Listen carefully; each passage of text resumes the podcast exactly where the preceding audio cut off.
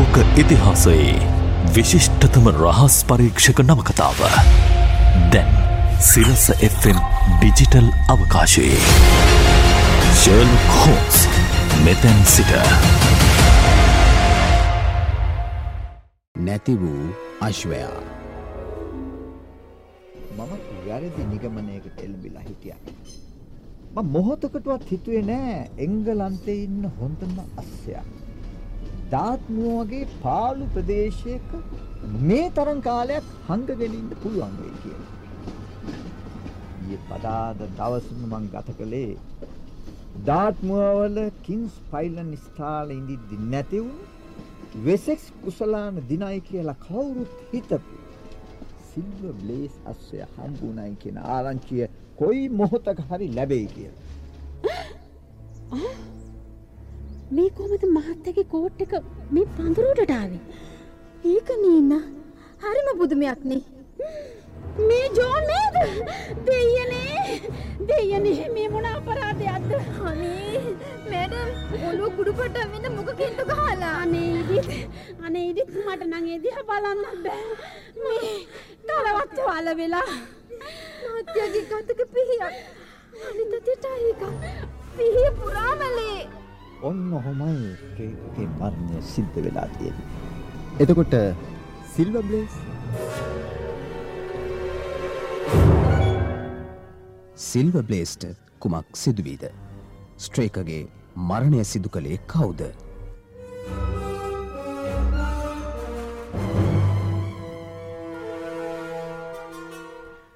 මේ ලේ පැල්ලම තියෙන හන්දා මේක වෙන්ඩෝන ස්ට්‍රේක අතේ තිබුණු පිහි. ඔව් වොටසන් මට පේන විදියට මේ පිහිය ඔබට අවශ්‍ය එකක්. ඔව් වෛද්‍යවරු ඕකට කියන්නේ කැටරැක් පීය කියලා. මම හිතුව. මේ පිහිතලේ බොහෝම සියුම් වැඩවලට ගන්න බොහොම සියුම් විදිහට හදපු එකක්. මේ වගේ ගමනක් යන කෙනෙක් මේ විදිය පිහියක් අරගෙන යන එක පුදුමයක්. මේක නවලා සාක්වේ දමාගෙන යන්න පුළුවන් එකකුත් නෙවේ. පිහිතුඩ වැහෙන්න කිරල මූඩියක් ගහල තිබුණා. ඒක මිනිළඟ වැටිලා තිබිලා අපිට හම්බ වුණා. හරි. නැතුව නිකං සාක්වේ දාගෙන ගියොත් තුවාල වෙන එක වලක්කන්න බෑ. මිසි ස්ට්‍රේක කියනවා ඔය පිහිය දවස් තුන හතර කෙන්දලා කන්නාඩි මේසෙ උඩ තියලා තිබුණලු. රෑකාමරින් පිට වෙද්දි ඒකත් අරගෙන ගියාලු. හොඳ ආයුධයක් නූනක් වෙලාවෙ හැටියට අතට හවුණු හොඳම එක වෙන්ඩ ඇති. ඔව් මොනවද මේ කඩදාසි කියලා බලමු. තුනක්ම පිදුරු ගත්ත කුයිතාන්සි එකක් කර්නල් රොස්සෝපු උපදෙස් වගේ මේක නම් ඇඳුම් සාප්පුවක බිලක්. කියෝල බලමු. විලියම් ඩාබිෂමයා පවුම් තිස්කාන මිසි ස්ට්‍රේක කියනවා ඩාබිෂය ඇගේ සැමියගේ මිත්‍රයෙක්ලු. එයාගේ ලියුම් ඉඳල හිටල මෙහාට එනවලු. මොන වනත් ඩාබිෂයගේ නෝන මහත්තයනම් බොහෝම විය පැහැදන් කල්ලා අඳින පලඳින කෙනෙක්. එක්ක ගෞමකට ගිනි විසි දෙකක් කියන්නේ බොහෝම ලොකු ගානක්. වෙන අපිට මෙහි දැනගන්න දෙයක් නැති පාටයි. දැන් එන යමු අපරාධ සිද්ධ වුණු තැනට. යමු. ඉන්ස්පෙක්ට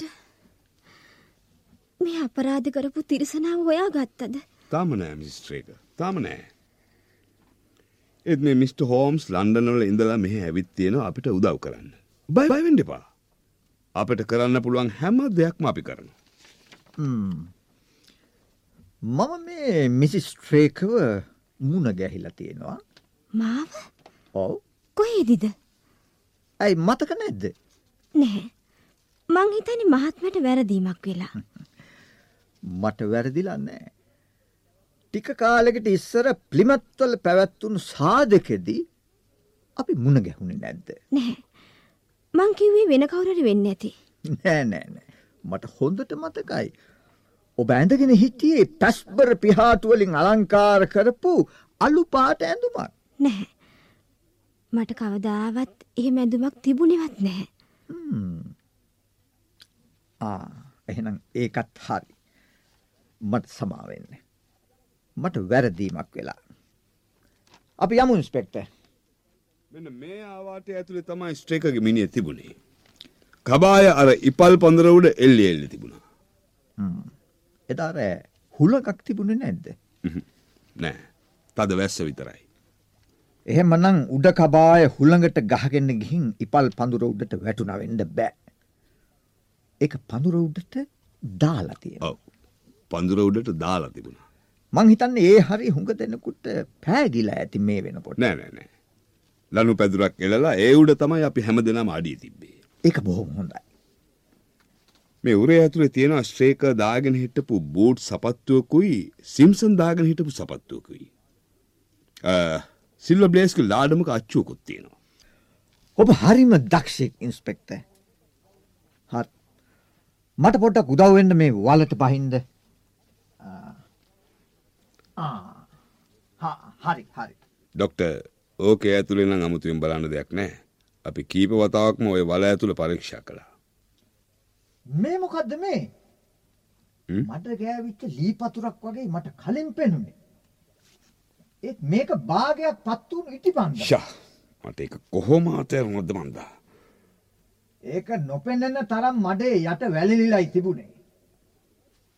මගේ ඇහැ ගැහුනේ මං හොයපු නිසා. මොනවා? එහෙනම් ඔබ ඒක හොයාගන්න බලාපොරොත්තු වුණා. මගේ එහෙම අනුමානයක් තිබුණා. හරි. මම සපත්තු දෙකම මඩේ තිබුණ අඩිසටහන් එක්ක සසඳලා බැලුවා. ආ දැන් මට උඩට එන්න පොඩ්ඩක් උදව් වෙන්න. ආ. හ්ම්. මේ මගේ අත අල්ල ගන්න. ඔහොම අල්ල ගන්න. හරි. අර කටුපඳුරු අස්සෙනුත් මොකක් හරි හෝඩුවාවක් හොයාගන්න පුළුවන් වෙයිද? වෙන අඩි සලකුණු නැතුව ඇති. මම හැම පැත්තක්ම යාර 100ක් දුරට පරීක්ෂා කරලා බැලුවා. එහෙමද? එහෙමනම් කාලේ නාස්ති නොකර කලුවර වැටෙන්න කලින් ඕවිටි ආයේ රවුමක් යන්න කැමතියි මම. වාසනාව ලැබෙන්න කියලා හිතාගෙන මේ අස්සලාඩමත් සාක්කුවේ දාගන්න. මගේ මිත්‍රයාගේ පරීක්ෂණ ක්‍රම ගැන කර්නල් රොස්නං කිසිම පැහැදීමක් නැති පාටයි. තුන් හතර වතාවක්ම පිට පිටම වෙලා බැලුවා. ඉන්ස්පෙක්ටර් මට පොඩ්ඩක් කතා කරන්න පුළුවන්ද. ඔව් කර්නල්. එයි මොකද? මට ඉන්ස්පෙක්ටගේ උපදෙස් අවශ්‍යයි. කාරණා කීපයක් ගැන. එක කාරණාවක් විශේෂයි. ඒ මොකද්ද කර්නල්? අපේ යුතුකමක් තියෙනවා නේද මහජනතාව වෙනුවෙන්. කුසලානයට තරඟ කරන නම් ලයිස්ටුවෙන් සිල්ලෝ බ්ලේස්ක නම ඉවත් කරන්න. නෑ. ඉවත් කරගන්න අවශ්‍ය නෑ. නම තිබුණ විදිහටම තියෙන්න අරින්න. උපදෙස් දීම ගැන බොහෝම ස්තුතියි. ඔබ ඇවිදලා ආපහු වෙනකං අපි ස්ට්‍රේකගේ ගෙදර නතර වෙලා ඉන්න. ඒ ආවම පුළුවන් අපට අස්සකරත්තේ ටැවිස් ටොක්වලට යන්න. අපි යමු වොට්සන් ඕවිටියා ඉදිගේ ඉස්සරහට. හෝම්ස්ගේ පරීක්ෂණ ගැන කර්නල් රොස් ඒ තරම් පැහැදීමක් නැතුවාගේ. ඉර බැහැගෙන එනකොට මේ හරි හරීම ලස්සනයි. ඔව් ඔය කේපල්ටන් ස්ථාලි පැත්තරනේ දෙන්නේ. ඔව් වොට්සන්. අපි ස්ට්‍රේකව මැරුවේ කවුද කියන වගේ මොහොතකට අමතක කරලා අස්යව හොයාගන්න වෑන් කරන්න ඕනේ. ඕ ද ලයිස්තුවෙන් නම කපන්න එපා කියලා හෝම්ස් උපදෙස් දුන්නනි. හොඳයි. අපි හිතමු මේ මරණයේ සිද්ධ වෙන අතරේ. නැත්තම් මරණය සිද්ධ වුණාට පස්සේ අස්සය එතනින් පැනලා ගියා කියලා. එහෙමනම් කොහාටද ගියේ? අස්සයා කියන සතා රංචු ගහිලා ඉන්න ප්‍රිය කරන සතෙක්. ඒ නිසා තනි වුණු හැටියේ ඌ තමන්ගේ වර්ගයා ඉන්න කිංස් පයිලන් ස්ථාලෙට ආපහු යන්න ඕනේ. එහෙම නැත්තම් කේපල්ටන් ස්ථාලෙට යන්න ඕනේ. ඇයි ඕවිටි ආයදිගේ ඉබාගාත ගියා වෙන්න බැරිද. එහෙම වුණා නම් මේ වෙනකොට කාට හරි දකින්න ලැබෙනවා. අයිකුන්ටකයන්ට අහුවෙලා අරගෙන යන්න ඇති. මම හිතන්නේ නෑ වොට්සන්. අහිකුන්ටිකෝ කැමති නෑ පොලිසියත් එක්ක පැටලෙන්න. ඒ හන්දා ඒ අයගේ සිරිත කරදර මගාරින එක මිසක් කරදර පටලව ගන්න එක නෙවෙයි. අනික ඔය අස්සයාව විකුණ ගන්න ඉඩක් ඇත්තෙත් නෑ උන්ට. ඒ නිසා ඔවුන් මේ වගේ අවදානම් වැඩකට අතගහයි කියලා හිතන්න අමාරුයි. එහෙමනම් මොකද්ද මේ සතාට වුණේ? මං කිව්වේ ඌ එක්ක කින්ස් පයිලන් වලට යන්න ඕනේ. එහෙම නැත්තම් කේපල්ටන් වලට යන්න ඕනේ. කින්ස් පයිලන් වල නැති වගේ අපි දන්නවා. එහෙමනම් කේපල්ටන් වල ඉන්න ඕනේ. ඒ නිගමනය පිහිටලා කටයුතු කරලා බලමු මොකද වෙන්නේ කියලා. මේ හරිය පොළොව වියලි. තදයි. අස්සඩි එකක්වත් පේන්නේ. ඔව් ඒක ඇත්ත. අ, අර බලන්න. තා පොඩක් ඉස්සරහට වෙන්න. තරමක් වගුරුයිනේ. සඳුද වැස්ස නිසා තාමත් හෙත ගතිය ඇති. ඔව්. මාත් ඒකට ඉඟගෙනවා. මේ හරිය ඉඳලම පොළොව බුරුල්. ඔව්. මේ හරි නිතරම වැහි වතුර රැඳිලා තියෙනවා. ආ. මෙන්න හෝම්ස්. හ්ම්? මේ තියෙන අස්සඩිය ආ ආ ඔහොමින් මොනවද සාක්කුවේ අත දාගෙන හොයන්නේ? සිල්ව බ්ලේස්ගේ අස්සලාදම. ආ. හරිනේ නං. හරියටම හරි. උගේ අඩි බවට කිසිම සැකයක් නෑ. යම්. යමු ඉක්මට ඉස්රහට. හෝම්ස් මෙන්න. ඉස්සරහට වෙන සපත්තු අඩිත් තියෙනවා. ඔව්. කින්ස් පයිලන් පැත්තට හැරෙනවා ආයිත්. නෑ හෝම්ස්. මේ ඩිංගක් දුර ඇවිත් ආයෙත් කේපල්ටන් ස්ථාලි පැත්තට හැරෙනවා. හැබෑනේ නම්. එහෙමනම් මම මුලින් හිතුව හරි. හරියටම හරි.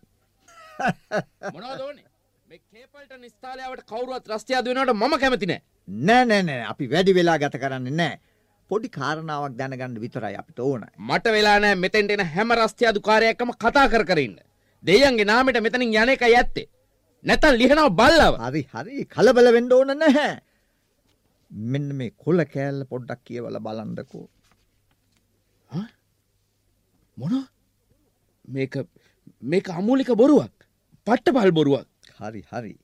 අපි මේ ගැන්න මෙහෙම එලිපිටම කතාබස් කරමුද එහෙම නැත්තං ඔහේගේ නවාතැන්ට යමුද. ඔවු ඒකෙන් බාධාවක් නෑ යමු එහෙන ආ, එහෙමනම් යමු. මම වෙනුවෙන් මිට. බ්‍රවන්් මිඩංගු කරන්න ඕන විනාඩි කීපයක් විතරයි.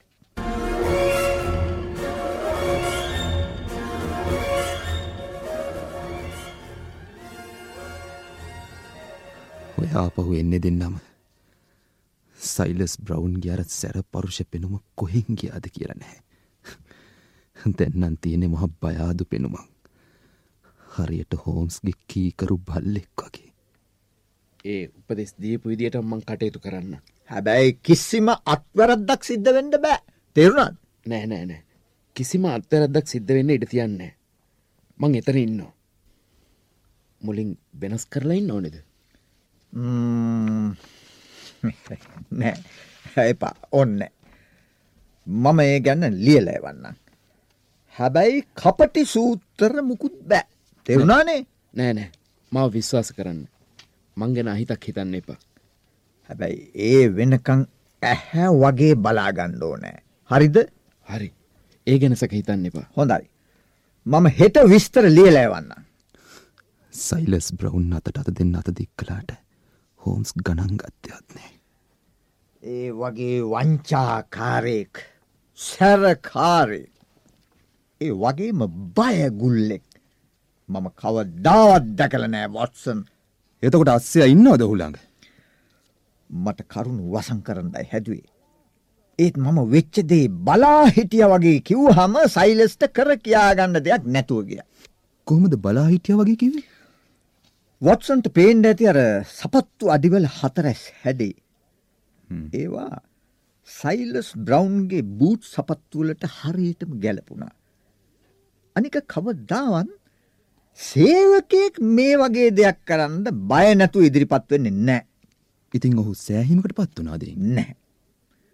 මම කිව්වා ඔහු උදෙම්ම අවදි වෙලා එලිමහනට ආවම ඕවිටේ ඉබාගාතය ඇවිදින නාදුනන අස්සෙක් දැකපු හැටි. ළඟට ගිහාම ඌට සිල්ව බ්ලේස් කියන නමදාන්න හේතුවුණු නලලෙ තියෙන සුදුපාට ඉර දැකපු හැටි. හරි හරි. මන් තවදුරටත් පැහැදිලි කළා. කුසලාන දිනන්නට නියමිත අස්සයා තමන්ගේ දෙපාළඟටම ආයක ගැන ඔහු පුදුම වුණ හැටි. ඊළඟට මම ඔහුට කිව්වා අස්සයා කිංස් පයිලන් ස්ථාලට බාර දෙන්න ඔහු ඌ ටිකදුර ගෙන ගිය හැටි. ඒ අතරේ තරගේ ඉවර වෙනතුරු ඌ හංගගෙන හිටියොත් වෙන වාසිය ගැන හිතල ආපහු කේපල්ටන් ස්ථාලට ගෙනින් හංගන්න තීරණය කරපු හැටි. සයිලස් බ්‍රවන්් හිතන්න ඇති ඔබ බොහෝම දක්ෂ ශාස්තරකාරෙක් කියලා. ඔය ඔක්කෝටම කන්දුන්නට පස්සේ තමයි. ඔහු තමන්ගේ වෑයම අතෑරලා ඇඟ බේරගන්න උත්සාහ කළේ. ඒත් පොලිසිය කේපල්ටන් ස්ථාලය අස්සක් මුල්ලක් නැර හෙව්වනේද. පුංචි කාල ඉඳලම අස්සෙන්ම අතපත ගෑව සයිලස් බ්‍රවුන් ළඟ ඒවට අපූරු ක්‍රම තියෙනවා. ඒත් බයන දස්ය හු ළඟ තියලයන් උට තුවාලයක් කළු නෑ. ඌ පන වගේ ආරක්ෂා කරන එක තමයි දැන් ඔහුට ගැලවෙන්ඩ තියෙන එකම මඟ. හෙත් කර්නල් රෝස් එහෙම අනුකම්පාවදක් වන් සූදානම් කෙනෙක් වගේ නෙවෙයි පෙනුනේ. මම ඔහුට කියන්නේ අවශ්‍යම කරුණු ටික විතරයි. මම පෞද්ගලික රහස් පරිශකෙක්. හැම දෙයක්ම කියන්න බැඳිල නැහැ. අනික සමහර විට වොට්සන්ට තේරෙන්නේ නැතුව ඇති. කර්නල් මං ගැන කිසිීම විශ්වාසයක් නෑ. ඒ නිසා ඔහුටත් පොඩ්ඩක් රිද්දන්න අවස්ථාව ඇවිල්ල තියෙනවා. අස්ය ගැන කර්නල්ට මුකුත්ම කියන්න එපා. නෑ.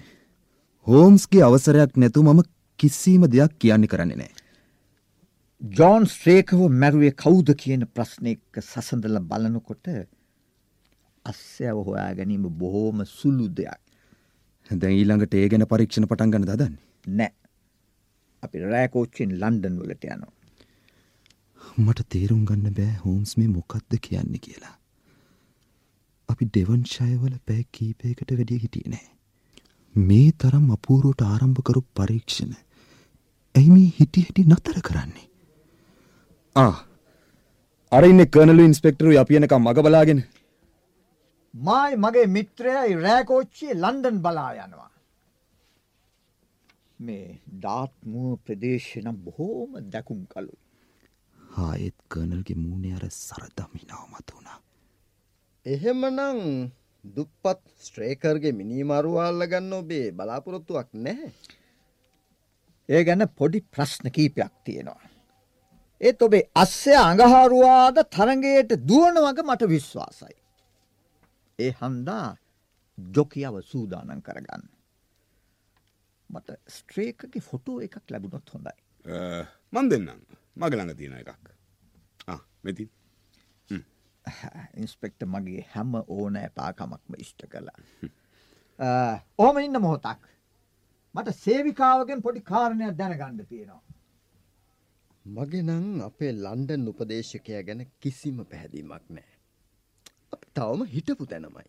ඒත් ඔහු සහතිකුණාන ඔබ අස්්‍යය දුවනවකට ඒ සහතිකයට වඩා අස්සය හැබැහින් ඉන්නවනම් තමයි වටින්නේ. හරි. දැන් මම ලෑස්ති ටැවිස්ටොක් දුම්රිය පොලට යන්න. ටොම් මේ මහත්තුරු දෙන්නව අස්ස කරත්ත ළඟට එක්කගෙන යන්න. අපිත් යමු කනල් මේ දෙන්නව ගිහින් ඇරලන්න. යමුසර් අස්ස කරත්ත දැන් තමයි ආවේ. යමු. කාගෙදර බැටුළු රංචුවක් ඉන්නේ අපේ ලොකු මහත්තයාගේ. මන් තමයි උඟ බලාගන්නේ. ළඟකදී උන්ගේ මොකක් හරි වෙනසක් පේන්ඩ තිබුණද ටොම් කියන්න තරන් ඉතින් විශේෂයක් නෑසර්. එවනත් හතර දෙනෙක් කොර ගහනා මේ ළඟදීදලා. ඈත ඉලක්කයක් වොටසන්. එක බොහොම ඈත ඉලක්කයක්. ඉන්ස්පෙක්ට බැටලුවන්ට වෙච්ච ඇබැද්දිය ගැනත් පොඩ්ඩක් හිත යොමු කරන්න. ඒ කාරණාව වැදගත් කියල ඔබ හිතනවද. බොහෝම වැදගත්. තව මගේ සැලකිල්ල යොමු කරන්න අවශ්‍ය කරුණමකොත් තියෙන හද මිස්ටෝම්ස්. ඔව්. එදා රෑ බල්ල හැසුරුණු විදිිය වැදග බල්ල? ඔව. මොකක්ද බල්ල අයිදාරෑ කිසි දෙයක් කරේ නෑනේ. ඔවු ඉන්ස්පෙක්ට ඒක ලොකු පුදුමයක්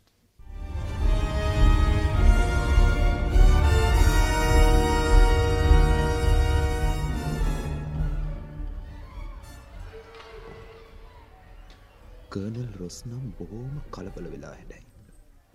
මගේ හස්්‍යවනං මම තවම දැක්ක නෑ මිට. හෝම්ස් මම හිතුවා සිල්ව බ්ලේසු දැක්කම අඳුනගණ්ඩ ඇති කියලා. මම අවුරුදු තිහක් තිස්සේ රේස්වලට අස්යෝ ඉදිරිපත් කරනවා. කිසි කෙනෙක් මීට කලින් මගෙන් ඔහොම ප්‍රශ්නයක් අහල නැහැ. සුදු පාට නලලකුයි ලප තියෙන සුදු ඉදිරිපාදයකුයි තියෙන සිල්ව බ්ලේස්ව ඕනෙම පොඩිළමයකුට අඳුන ගන්න පුළුවන්.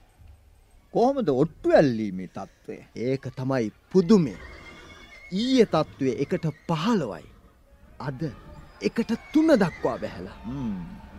එහෙමනම් කවුරු හරි මොනවා හරි දන්න වග පැහැදිලි. ඔබේ උපදෙස් සුඩ අපි අනිත් අස්්‍යව තරගෙන් ඉවත් කරගත්තා.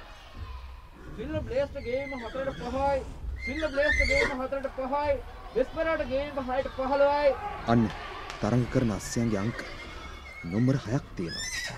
හය දෙනෙක් එහෙමනම් මගේ අස්ය දුවනවා. ඒත් මම දැක්කෙ නැහැ මගේ වර්ණ. තාම පස් දෙනයි ගියේ ආ අරින් අරින් හයවෙනිය කලුයි රතුයි මගේ වර්ණ තමයි. ඒතේ මගේ අස්සය නෙමෙයිනේ. උගයන්ගේ සුදු පාට මවිලක්වත් නෑ. මොකද්ද මේක තේරුම මිස්ස හෝම්ස් බලමුක මොකද වෙන්න කියලා දෙන්න බයිනකලස් මට අන්න තරගේ පටන්ගත් හොඳ ආරම්භයක්. ආ අන්න වංගුවෙන් හැරුණ. ශය දෙනාම එක ගානට යන්නේ. අන්න. අන්න කේබල්ටන් ස්ථාලි කහපාට ඉස්සරුණ ඒගන්න විදුලි වේගෙනවා ඉස්සර කලා ඉස්සර කලා සිල්ල බ්ලේස්. කොහොම හරි මම තරගේ දිනු. මට නම් මේක අගක් මුලක් තේරෙන්නේ නෑ. දැන් ඉතින් රහස හංගගෙන හිටි හැති අපට පැහැදිලි කරන්න වෙලා තියන්නේ මොකක්ද කියලා. යම් යම් වසවින්න තැන්ට.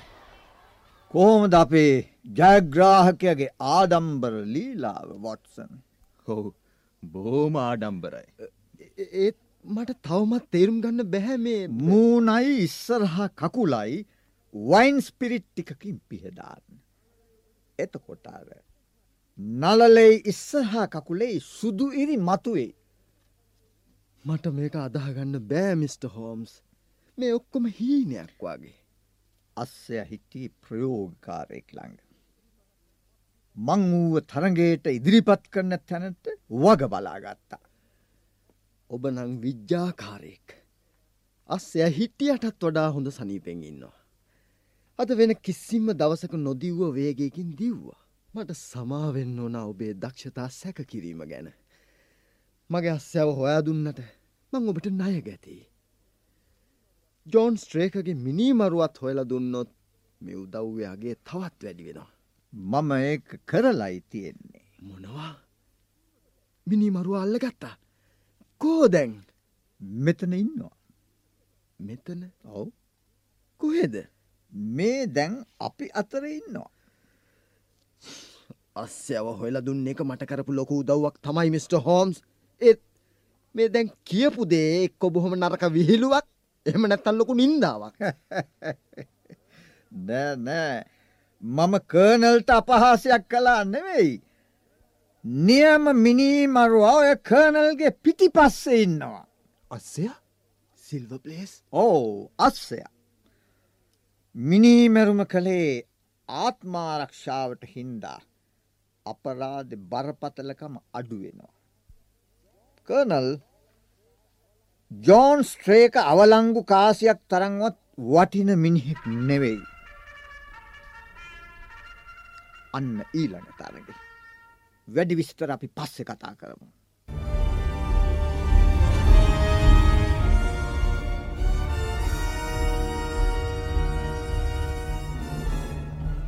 කර්නල්ගේ කෑම වේලනම් බොහෝම අපූරු. එන අපි තැන් කතාවට බහින.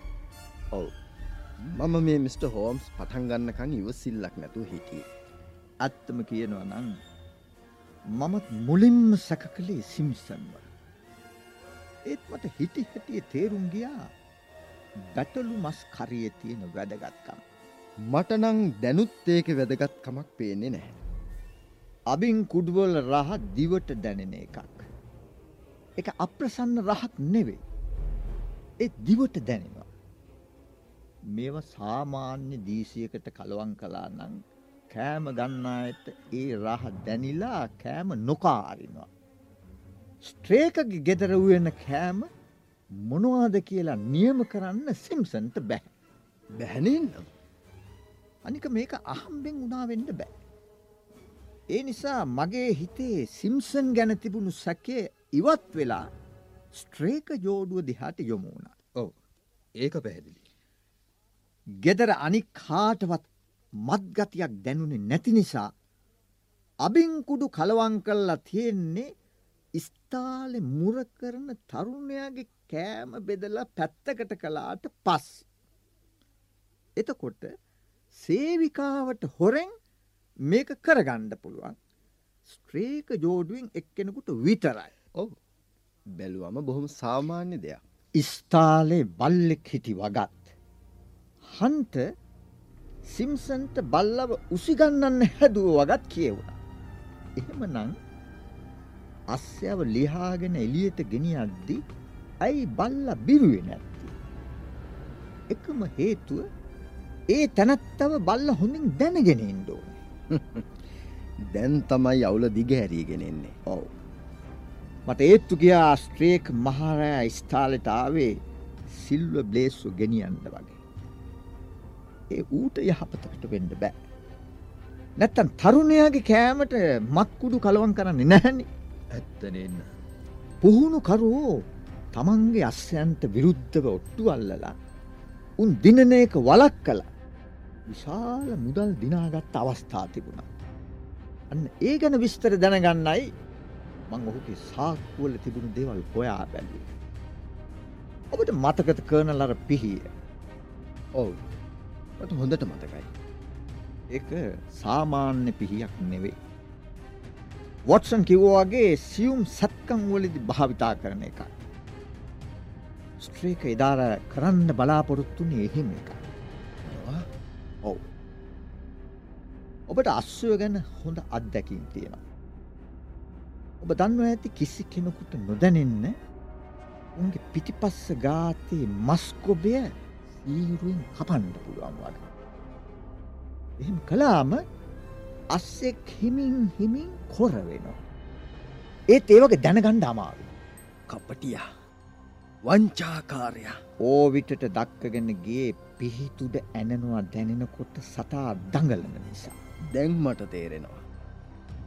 ඒකයි මොහුට ඉටිපන්දමකුයි ගිනි පෙට්ටියකු යෝ නැවුණේ.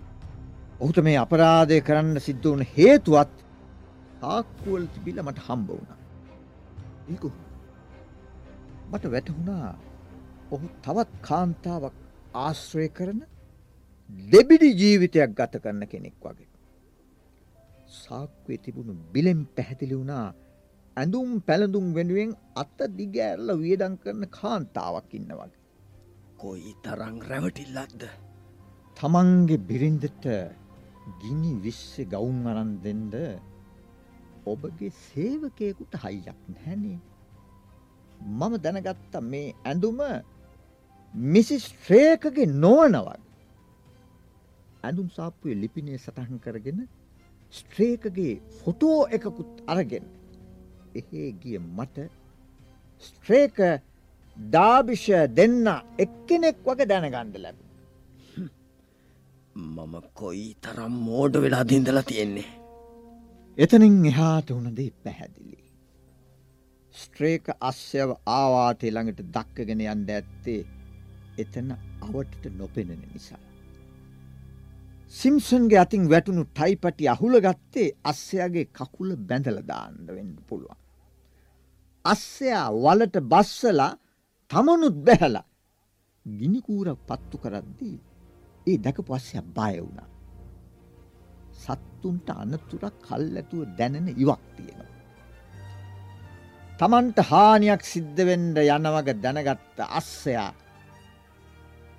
යකඩ ලාඩම ගහපු කකුල උස්සලා ස්ත්‍රේකගේ නලලට පහරදුන්න. ඔහු ඇද වැටිද්දී තමන්ගෙම පිහියට කලවතුවාල වුණ. අපූරුයි. හරියටම ඔබ එතන හිටිය වගේ. මගේ අන්තිම ඉලක්කේ වාසනාවට පෑදුන්න එක. මේ වගේ කෙනෙක් මෙහෙම සියුම් දැන් අත්හදා බැලීමක් නැතුව නොකරන වග මට තේරුම් ගයා. බැටලු රංචුව දැක්කම ඒ ගැටලුවත් නිරාකරණය වුණ. ඔබ සියල්ල පැහැදිලි කළා. අස්සයා කොහෙද හිටියේ ආ ඌ අසල් වැසියෙක් බලාගත්ත. අපි ඒ හරි අමතක කරලා දාම.